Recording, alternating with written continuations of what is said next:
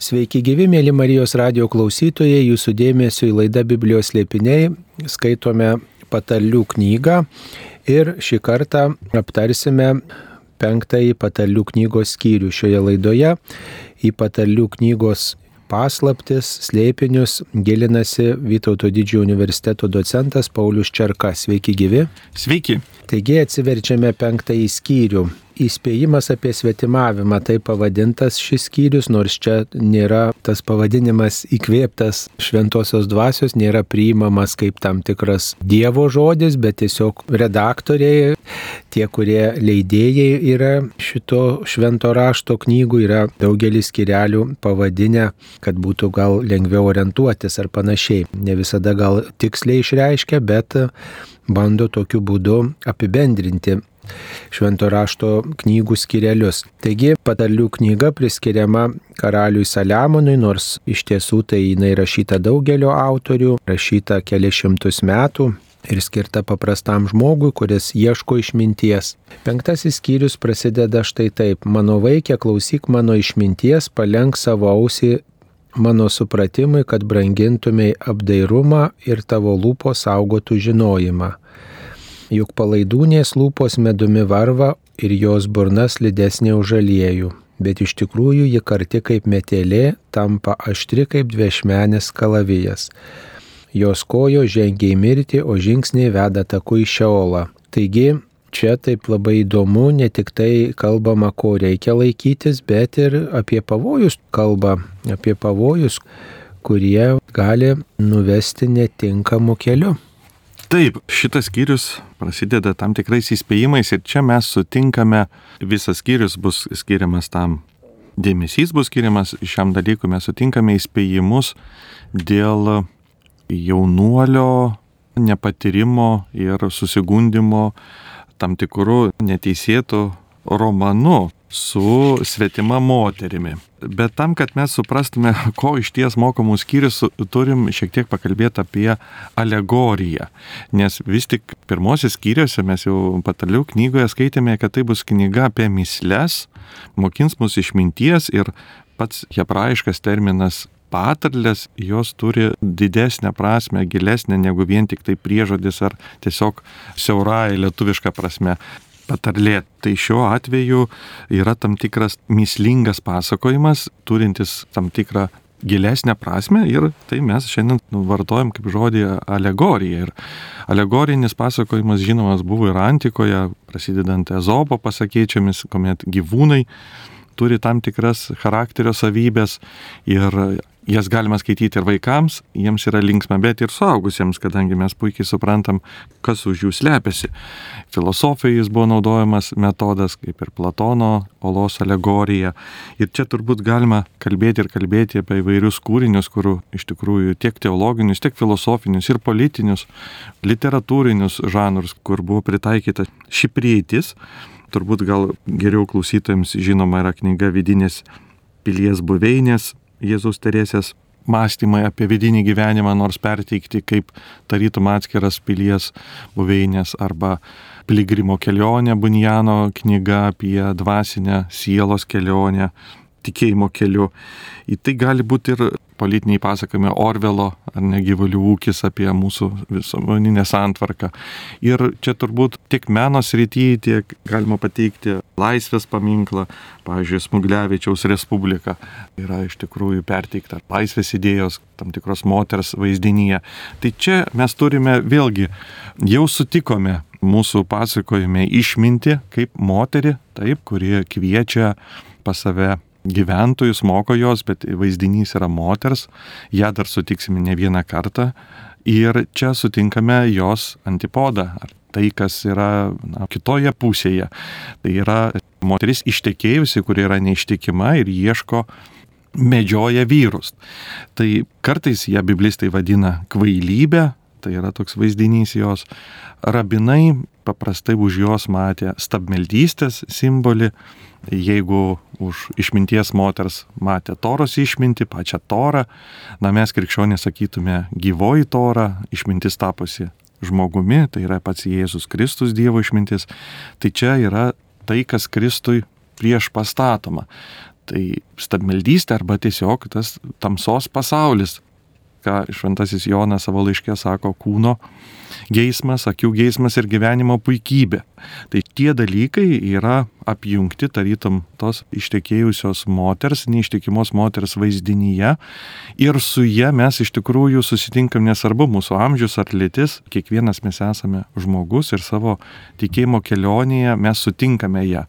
ją viliojančią nutolti nuo Kristaus kelio, nuo to siauro kelio į platų kelią, kaip Kristus kalbėjo apie du kelius. Taip ir čia mes turim jaunuolį pokalbyje su tėvu, ar ne, tas dešimt pokalbių, vienam iš jų jis jau kalba apie įspėjimą, jog jo kelionė lauks tam tikra pasala, labai klastinga pasala ir gali jį nukreipti, suvilioti ir nukreipti nuo jo teisumo kelio. Ir čia pastebėkit, kad ginklas moters yra būtent tos lūpos varvančios medumi. Tai yra žodžiai, idėjos.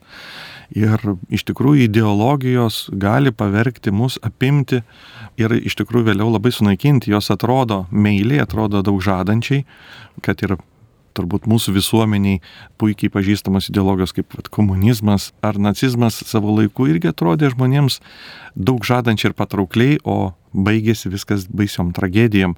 Tai tam tikra prasme tos ideologijos ir yra tos moters vaizdinyje, kuri vilioja kiekvieną sielą einančią teisumo kelyje. Tik tai čia aišku yra vaizdinys jaunuolio, kuris sutinka ištekėjusią moterį, ieškančio romano, bandančio jį išnaudoti, apsvaiginti tam tikrą prasme, bet supraskim, kad tikroji prasme yra jau gilesnė, jinai kalba ne tik jaunuoliams, jinai kalba nesvarbu ir amžius ar lytis, nes kalba mūsų sieloms santykyje su tuo pasauliu, pasaulio ideologijom, kurios bando užimti mūsų protus. Tai nors įspėjimas yra kaip ir apie svetimą kaip pasakyta, bet iš tikrųjų tai yra jau vaizdinys, už kurio slypi gilesnė prasme. Galbūt galima truputį ir kitaip tą patraktuoti, kad išmintis tai yra paties Dievo žodis arba pats viešpats, kuris kreipiasi į žmogų įvairiausiais būdais, per dekalogą, per pranašus, per tą nuolatinį tokį buvimą kartu su žmogumi, per tikėjimą, per darybės, per sąžinę jisai kalbina žmogų ir kviečia laikytis jo principų ir tai atveria laisvę. O palaidūnė, kaip šitam skyriuje apibūdinama toji moteris, gali būti tikriausiai ir nuodėmė, bet kuri nuodėmė, kuri žmogų vilioja iš išmintingo kelio. Ir čia toks tradicinis gal nuodėmės veikimas, jinai atrodo saldi kaip medus, Čia parašyta lūpos medumi varva, tai reiškia vilioja, gal per gražius žodžius, per kažką, kas mus traukia, kaip medus, ką nuvalgyti, smaližiauti ir vis norisi grįžti ir atrodo patrauklu ir, ir, ir skanu. Taip ir nuodėmė turbūt jinai vilioja žmogų kažkokiu gražiu pavydalu, nors paskui, kaip ir šitame skyriuje rašoma, ketvirtoje eilutėje, bet ji iš tikrųjų ji karti kaip metelė, tampa aštri kaip dviešmenis kalavijas. Tai panašiai ir nuodėmė, žiūrėkit, iš pradžių atrodo, oi visi čia taip daro, taip malonu, patrauklu, gražu, tik vieną kartą arba dėl malonumo, dėl skonio, dėl garbės žmogus renkasi, o paskui visą tai apkarsta. Tampa vienišas, tampa priklausomas, tampa kitų atstumtas, patiria nuostolį, žala sveikatai ir, ir visokios kitokios nuodėmės pasiekmes. Tai galbūt ir taip galima būtų traktuoti. Taip, suprantama, nuodėmė puikiai atitinka tą vaizdinį ir nuodėmės tikslas iki ir yra nusukti mus nuo Dievo ir kažkuria pasme, kai mes sakom stabmeldystė, tai turim suprasti, kad turbūt nekalbam apie egzotiškas kažkokias religijas, kurios galbūt ne visai yra aktualios ir, ir visiškai mūsų nevilioja tolimų kraštų. Tas stabmeldystė yra tai, kas yra visai šalia mūsų ir tikrai, kaip sakykime, atlieka tą viliojimą. Naujam testamente paštalas Paulius sako, godumas tai yra stabmeldystė. Jis įvardina tokius dalykus, kaip pasitikėjimas turtu, jau tai yra statymas turto į Dievo vietą. Tai kai sakome nuodėmė arba tai, kas veda į maištą prieš Dievą ar nusisukimą nuo Dievo į vienokią ar kitokią stamildystę, taip, ta moteris ir atspindi. Ir čia vad tas augalas metelė, jisai vėlgi gal mūsų kultūra neturi pilnai tų savybių, bet Biblis... Turi kartus įskėtis. Jo, jis kartus, bet tose kraštuose jis turi ypatingai patrauklų kvapą. Reiškia, vėlgi tą gražų panašus į medų, reiškia, kvapu vilioja, bet jau skoniu apkarsta. Tai šiuo atveju turi vėlgi tą patį efektą, kad žada labai kažką malonaus, o rezultatė gaunasi kažkas labai kartaus ir neskanu. Tai iš tikrųjų kiekvieno gundimo esmė yra kažko suvilioti, kažką pasiūlyti, bet rezultatė to neduoti. Ir labai tas vaizdingas dalykas yra aštri, kaip dviešmenis kalavijas nuodėmė arba ta palaidūnė, aštri kaip dviešmenis kalavijas, panašiai kaip peilis iš kelių pusių išgalastas, jisai pavojingas turėti, nešiotis. Tai ir nuodėmė, jeigu jos neatsižadė, jinai labai sužeidžia, labai duria ir duria ne tik tą, kuris prie jos prisiliečia, bet ir kitus žmonės. Ir dar toks labai gražus dalykas, kad toji palaidūnė veda į mirtį. Gražus, ta prasme, kad labai, labai aiškus toks nurodymas į nuodėmę, panašiai kaip ir nuodėmė veda į mirtį. Iš esmės, mirtis yra nuodėmės pasiekmė, tai ir palaidūnė toji, kuri suvilioja štai žmogų nuodėmė, stabmeldystė ir tas, kas prieštarauja Dievui, kas mūsų vilioja ir atitraukia nuo Dievų, iš esmės pasiekmė tai yra mirtis. Dvasinė mirtis, kūniška mirtis, tikėjimo mirtis, vilties mirtis, meilės mirtis, įvairūs mirties veidai. Ir, ir tai turbūt labiausiai verčia susimastyti, ar verta rinktis tą palaidūnę Panašiai kaip ir nuodėmė, turbūt jeigu žmogus pagalvotų, o kur tai nuves, tai tada galbūt ir susilaikytų nuo tos palaidūnės, nuo nuodėmės, nuo netinkamo kelio, bet tikriausiai kažkaip būna ta nuodėmė arba toji palaidūnė taip apakinus, ar taip saldumu suviliojus, kad žmogus nesusimasto apie tą kartumą, aštrumą ir apie tą mirtį, kur nuveda. Toji. Taip, čia taikli, manau, labai pastaba, nes šiuo atveju jeigu mes priverstume save susimastyti, kur link leda vieni ar kiti mūsų pasirinkimai, manau, mes padarytume tikrai puikių išvadų ir būtume išmintingesni. Taip, šeštoje eilutėje taip prašoma gyvenimo tako ji nepaiso, jos keliai kreivi ir ji to nežino. Tai palaidūnė toji, kuri atitraukia nuo išminties, nuo Dievo kelio, veda kreivu keliu. Įdomus dalykas, kad išminties kelias yra tiesus kelias, gyvenimo kelias, o palaidūnės kelias kreivas ir kas svarbiausia, kad ji pati to nežino. Dievas, kuris duoda mums kelią, jisai žino, kur mus tai nuves. O ta palaidūnė, ar ji nežino, ar ji apsimeta, kad nežino, ar ji neleidžia mums žinoti, tiesiog tokie klygatviai yra, turbūt taip išeina. Taip, čia turbūt tas požymis, kad gyvenimo tako tiesumas ir kreivumas. Ir Ir mes kartais sakom, žmogus labai suktas, ar ne, nuo žodžio sukti. Vėl jis turi tam tikrus daro posūkius, gudrauja ir priešingai yra tiesus žmogus, nevinioja žodžių į vatą, na, įvardina dalykus tokie, kokie yra. Ir paprastai išmintis veikia žmogų, kad jis linkęs įvardinti, pripažinti, neišsisukinėti, negudrauti.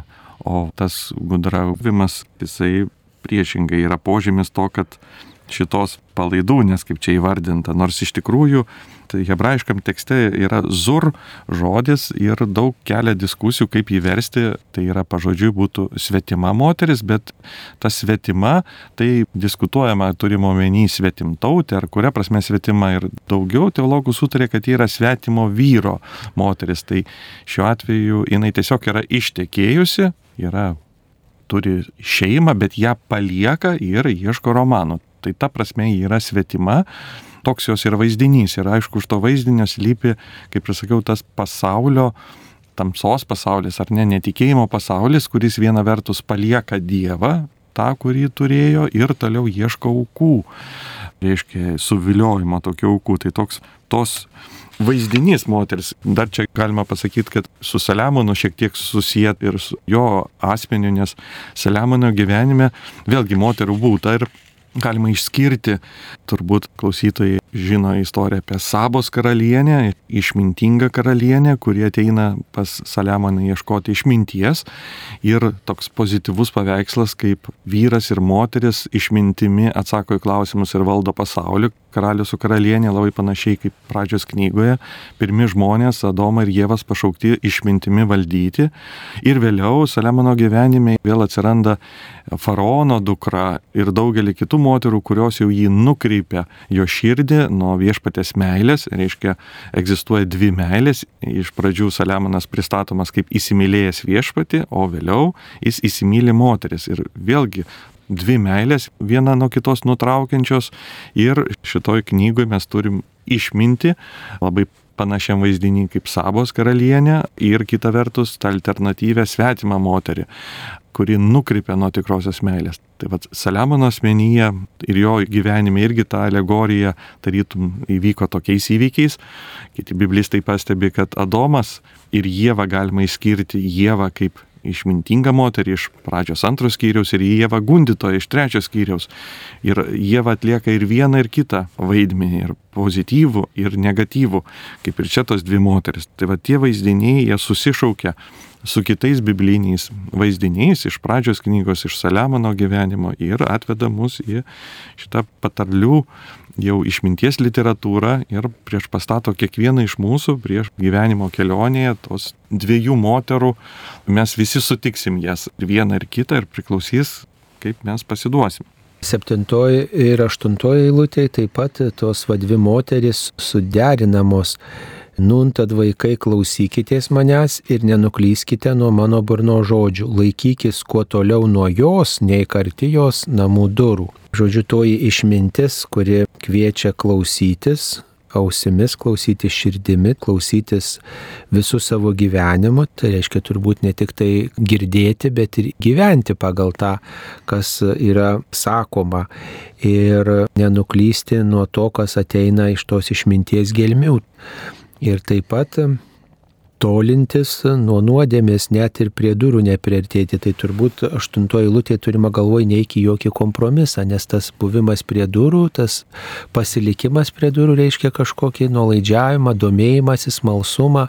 Bėg net prie durų nesertink, prie nuodėmės, prie tos palaidūnės, kuri tave kreivo keliu nuves. Taip, tai yra vengtų situacijų, kur tu galėtum susitikti su ta moterimi, nes jeigu tu būsi arti durų, panašu, kad kažkur sutiksi ir tą moterį ir klausimas, ar tu įveiksi jos žabangus. Tai vad patarimas yra jausti savo silpnumą, pripažinti, kad tu esi pakankamai silpnas ir vienintelis būdas yra jau vengti pačios vietos, kur sutinkam pagundimą. Ir čia labai svarbus modelis, jog, at ir tėvė mūsų maldoje mes juk melžiamės sakom lietuviškai dabar liturgiškai yra maldoje, mes sakom, kad neleisk mūsų gundyti, bet pažodžiui bus nevesk mūsų į pagundimą. Kitaip tariant, to gali prašyti tik tas, kuris jaučiasi savo silpnumą. Stipriam atrodo, kad viešpatie išbandyk mane, aš esu pasiruošęs įrodyti savo stiprumą, bet tikras Kristaus mokinys, suvokdamas savo silpnumą, jau prašo nevesk manęs į situacijas, kur aš būčiau prie tų durų, nes aš laikau save silpną. Va čia išminties yra požymis suvokti savo silpnumą ir tada priimti sprendimus. Kaip silpnas, aš jau vengčiau ir net ir tų durų, bet jeigu laikau save labai stipriu, nu tai ko man bijoti tų durų, čia nieko blogo dar nėra. Bet čia va tikroji išmintis sako, kad laikyk save silpnu ir taip įveiksi. Tiesiog nesertink prie progos. Nesertink prie progos, suvokdamas, kad esi silpnas. Taip, nes duris tai jau yra proga įeiti, yra pradžia tam tikra. Ir čia tolesnėse eilutėse nuo penktos skyriaus devintos eilutės iki dvyliktos eilutės rašoma, kodėl reikėtų nesiartinti prie palaidūnės, prie nuodėmės, prie stabmeldystės, prie neišminties, kvailystės durų kodėl reikėtų nebendradarbiauti su nuodėmė ir bet kokiu blogiu, nes tai yra kvailybė, priešingybė išminčiai. Kad netiduotumėj savo garbės kitiems ir savo metų negailestingajam, kad svetimieji nesurytų tavo turto ir triūsas tavo nenueitų į svetimus namus, kad gyvenimo gale neapverktum likimo, kai būsi sunaikinę savo jėgas bei kūną ir nesakytum, o kai priešinausi pamokomas, kaip nekenti mano širdis įspėjimų. Tai čia ir turtas, ir garbė, ir triūsas, ir gyvenimo pabaiga, žodžiu, daugelis tokių detalių kaip čia reikėtų suprasti, kodėl galiu atiduoti garbę, jeigu artinuosi prie palaidūnės durų. turbūt gyvenime mes kiekvienas galėtume gal kokią vieną ar kitą istoriją prisiminti žmonių, kurie, sakykime, romanų turėjo daugiau, nei gali kažkaip tai nesukontroliavo savo gyvenimą ir iš tų romanų iš tikrųjų susiformuoja padariniai, jog griūna vienos šeimos, susiformuoja kitos, jos vėl griūna arba iš vis nesusiformuoja šeima. Ir mes tik galim panagrinėti žmogaus gyvenimą, kad rezultate sukauptas turtas išsitaško per jau susiformavusias tarytum na, naujas tas šeimas ir kažkuria prasme vienoje šeimoje būna kaupia kaupia ir staiga staigus posūkis atsiranda moteris ar vyras, čia nesvarbu ta lytis, bet toks netikėtas ilgalaikės šeimos griuvimas, trumpalaikis romanas ir jis tarytum viską sugriauna, tokį stabilumą. Ir staiga net milijoninės imperijos būna vienose rankose ir štai pukšt, jų nebėra, atsiranda visai kiti žmonės. Ir žiūrint į šalies gali pasakyti, galbūt iš tikrųjų tie romanai padarė daug daugiau padarinių, negu buvo tikėtasi. Labai rimtų ilgalaikių padarinių. Tai čia turėjo omeny, vėlgi, autorius kalba apie tokių neteisėtų romanų padarinius žmonių gyvenime ir kiek yra filmų parašyta ir romanų, literatūros kūrinių apie tai. Ir tuo mums nori pasakyti, kad kažkas panašaus įvyksta, kažkas panašaus įvyksta, alegoriškai vyksta su mūsų kaip tikinčiųjų kelionė, kaip pat jūs sakot, su nuodėme ar su pasauliu, to flirto dėka irgi gali atsitikti taip, kad tu dvasinius turtus ištaškysi arba savo tikėjimą ištaškysi, savo tikėjimo lobyną ištaškysi labai labai netikėtai ir neplanuotai. Tai toks vaizdinys, viena vertus paimamas praktiškas vaizdinys iš žmonių gyvenimo, kurių mes tikrai turim savo aplinkoje, ir jo pritaikomas alegorija mūsų dvasiniai patirčiai. Labai įdomu, kad nuo 12 eilutės iki 13 apmastomas tas skausmas, kuris gali ištikti žmogų, kai jisai jau yra mirties akivaizdoje, kai jau įvertina visą savo gyvenimą, apžvelgia, kad vat, nebūtų tokios nuoskaudos, kad neteisingų kelių ėjau, kad nesakytum gyvenimo pabaigoje, o kai priešinausi pamokomas, kaip nekentė mano širdis įspėjimų, nei savo auklėtojų balso klausiau, nei lenkiau ausiai savo mokytojams. Tai geriau dabar susimastyti, kaip aš galėčiau jaustis mirties valandą šitoj akimirkoje, jeigu dabar ištiktų. Taip, pats geriausias turbūt patarimas yra pamastyti apie mirties valandą, dar ne mirties valandą. Taip, nun tada esu arti visiško žūties viešame bendrijos sambūrį. Tai kuo anksčiau žmogus supranta turbūt, kad pasirinkus pasaulio dvasę, pasirinkus atitolti nuo Dievo yra visiška žūtis, tai tuo turbūt yra geriau suprasti. Ir čia dar geriau supratus pasirinkti priešingai, kitaip sakant.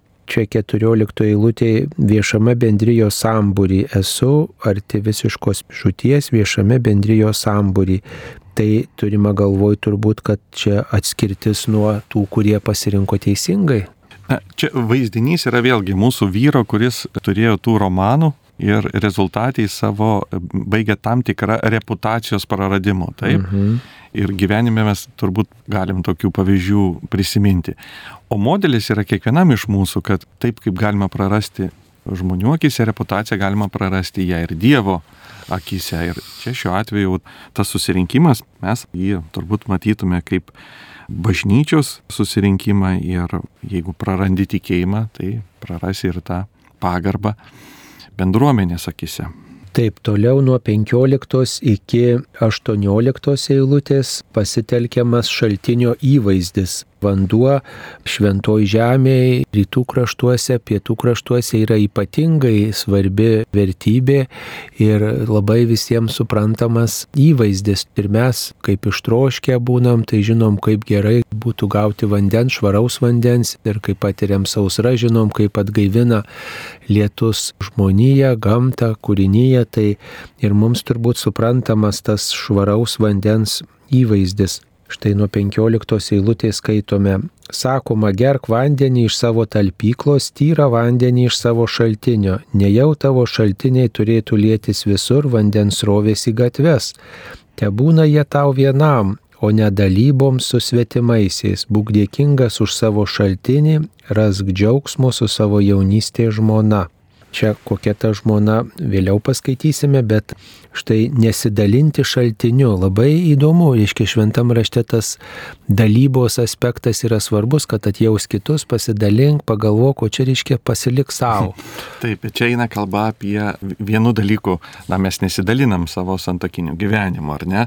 Tai čia tas šaltinis yra santokinio gyvenimo vaizdinys ir vaistas kažkuria prasme nuo tų romanų yra sėkminga santoka, galima taip pasakyti, kad jeigu tu investuosi į savo santoką, taip, tai greičiausiai nesuklupsi tuose romanuose.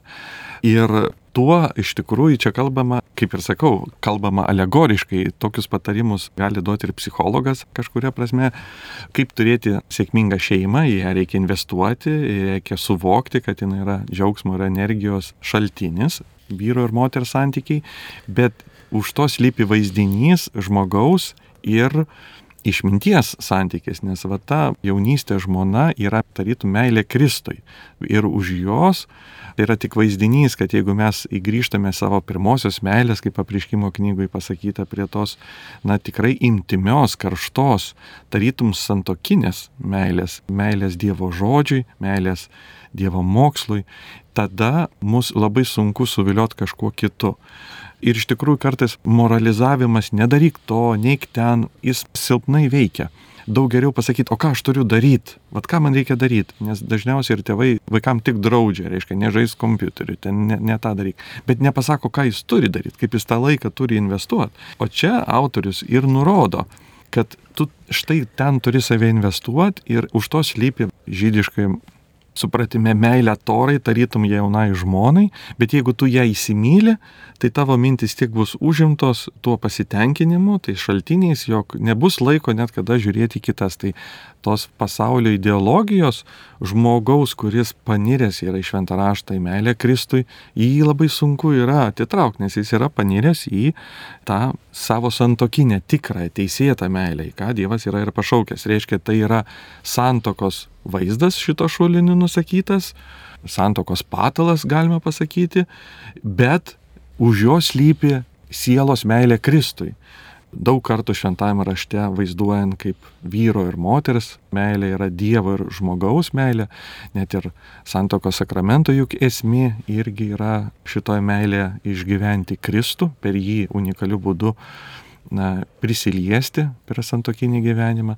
Ir čia jau mes turim tam tikrą nuorodą, kad viena vertus kalbama apie santokinį gyvenimą, bet alegoriškai iš tikrųjų mūsų vedama yra prie meilės Dievui.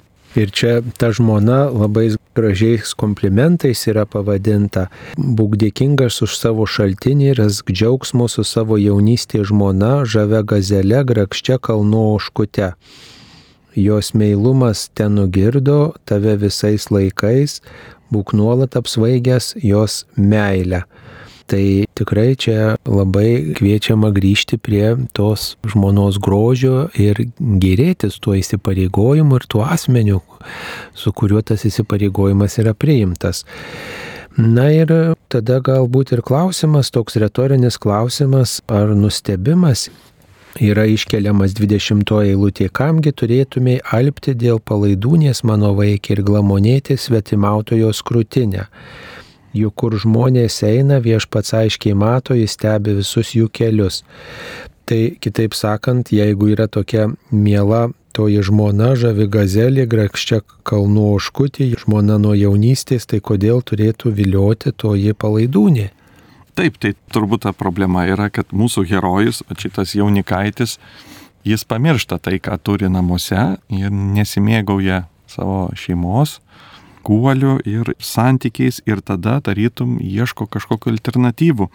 Ir čia iš tikrųjų labai gražus yra pastebėjimas, kad 19 lūtė žodis apsvaigęs ir 20 alpti yra tas pats, bet vienoje vietoje jie apsvaigina jo santyki su jo jaunystė žmona, o kitoje vietoje su ta, sakykime, svetima moterimi. Ir viena ir kita veikia panašiai, jį svaigina, ta meilė yra panašiai, bet viena veda gyvybės link, o kita yra greunanti. Jėga ir šiuo atveju, kaip ir pasakyta, čia nereikėtų galvoti, kad kalbama yra tik tai žmonėms, kurie turi jauna žmonas, čia yra tik vaizdinys kalbos, jog nesvarbu ar tu vyras ar moteris, jaunas ar senas, mes visi turime viešpatės meilę, meilę jo žodžiui, meilę jo išminčiai, mes galim tą puoselėt, kuri yra tarytum meilė tai jaunai žmonai. Ir ta meilė iš tikrųjų apsaugo nuo susiviliojimo stabmeldystė ar dalykai tolinančiais nuo Dievo. Tai va šita turtinga alegorija, jis mums duoda ir vaizdus, patarimus tuose vaizdiniuose, kaip mes galėtume išsaugoti savo kelią tyrą. Na ir šitas skyrius baigiamas viešpaties žvilgsniu, tiesiog aprašomas, apibūdinamas viešpaties planas, viešpaties žvilgsnis į žmogaus kelią. Juk kur žmonės eina, viešpats aiškiai mato, jis stebi visus jų kelius, nedora žmogų pasivys jo kaltės, jis bus savo nuodėmės pinklių pagautas, turės mirti, nes nepaiso drausmės per savo kvailą galvą pražus. Tai kitaip sakant, čia nurodyta, kur nuveda tas susižavėjimas palaidūnė, susižavėjimas nuodėmė, susižavėjimas pasaulio dvasia ir nepaisimas Dievo išminties.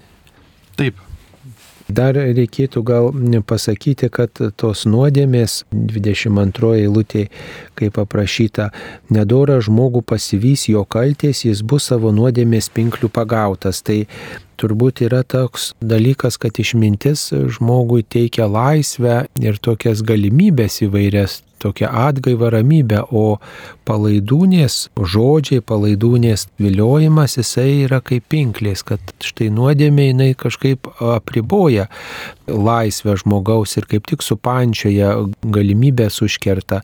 Tai kai renkamės palaidūnę, kai renkamės neišminti, tai dažnai atrodo, kad kaip tik renkamės laisvę ir kaip tik tai nėra čia spastų. O dažnai žmonės svarsto, kad Dievas tai yra pinklės, Dievas tai yra spastai, Dievas apriboja mus. O štai jeigu darau, ką noriu, linksminuosi, susivilioju nuodėmės durimis, palaidūnės durimis, tai tada čia yra laisvė, čia nėra jokių spastų. Turbūt tokia yra iliuzija. Taip, iš tikrųjų toks yra paradoksas, kad mums atrodo, kad Dievo įspėjimai yra mūsų varžantis, nes jie mums neduoda padaryti, ko mes norim. Bet turbūt, jeigu mes pagalvotume, pavyzdžiui, apie na, piknaudžiavimą narkotikais, tai labai aiškiai mes suprantam, kad žmogus pasirinkęs juos labai greit nustoja būti laisvas ir tampa įkaitas savo paties troškimų. Jok viena vertus tokia dilema jis jau nori nebenorėti, bet nebegali. Ir tada iškyla klausimas, ar jis vis dar laisvas, jeigu jis renkasi ir toliau narkotikus, turbūt ne. Mes ir sakom, jis yra priklausomas, jis turi priklausomybę. Ir mes kaip visuomenė turim jau padėti žmogui, sakykime, grįžti į tą blaivumą ir tuo pačiu į laisvumą. Taip, čia kraštutinis pavyzdys yra labai, na, galbūt ryškus, su kitais dalykais galbūt taip nėra ryšku, bet kiekviena įda iš tikrųjų veikia labai panašiai į vieną vertus mes ją pasirenkame, nes norime, tas tiesa, bet vėliau mūsų norai pradeda veikti prieš mus.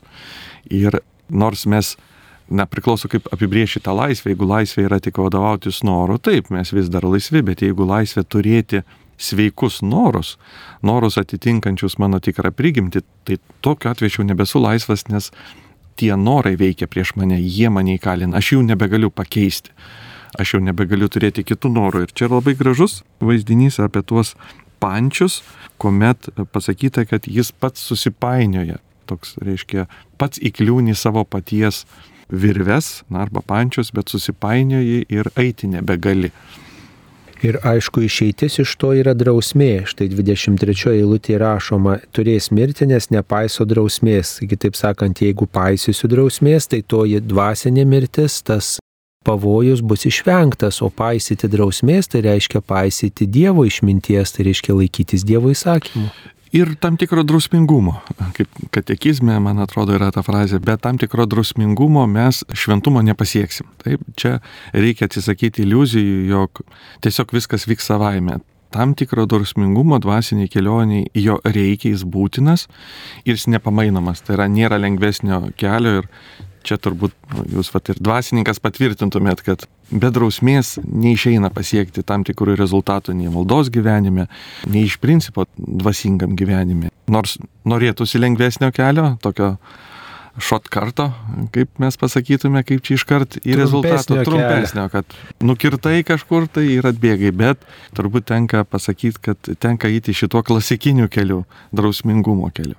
Mėly Marijos radio klausytojai, šioje laidoje kalbėjomės apie patarlių knygos penktąjį skyrių, kuriame Išmintis sugretinama su palaidūnė, šalia palaidūnės yra išmintis ir žmogus yra raginamas rinktis ne palaidūnę, kuri vilioja, ne nuodėmė, ne pasaulio dvasia, bet Dievo išminti, kurią suprantame per Dievo įsakymus, per jo patarimus, per tai, kas yra išdėstyta visame šventajame rašte kaip Dievo žodžiai mums.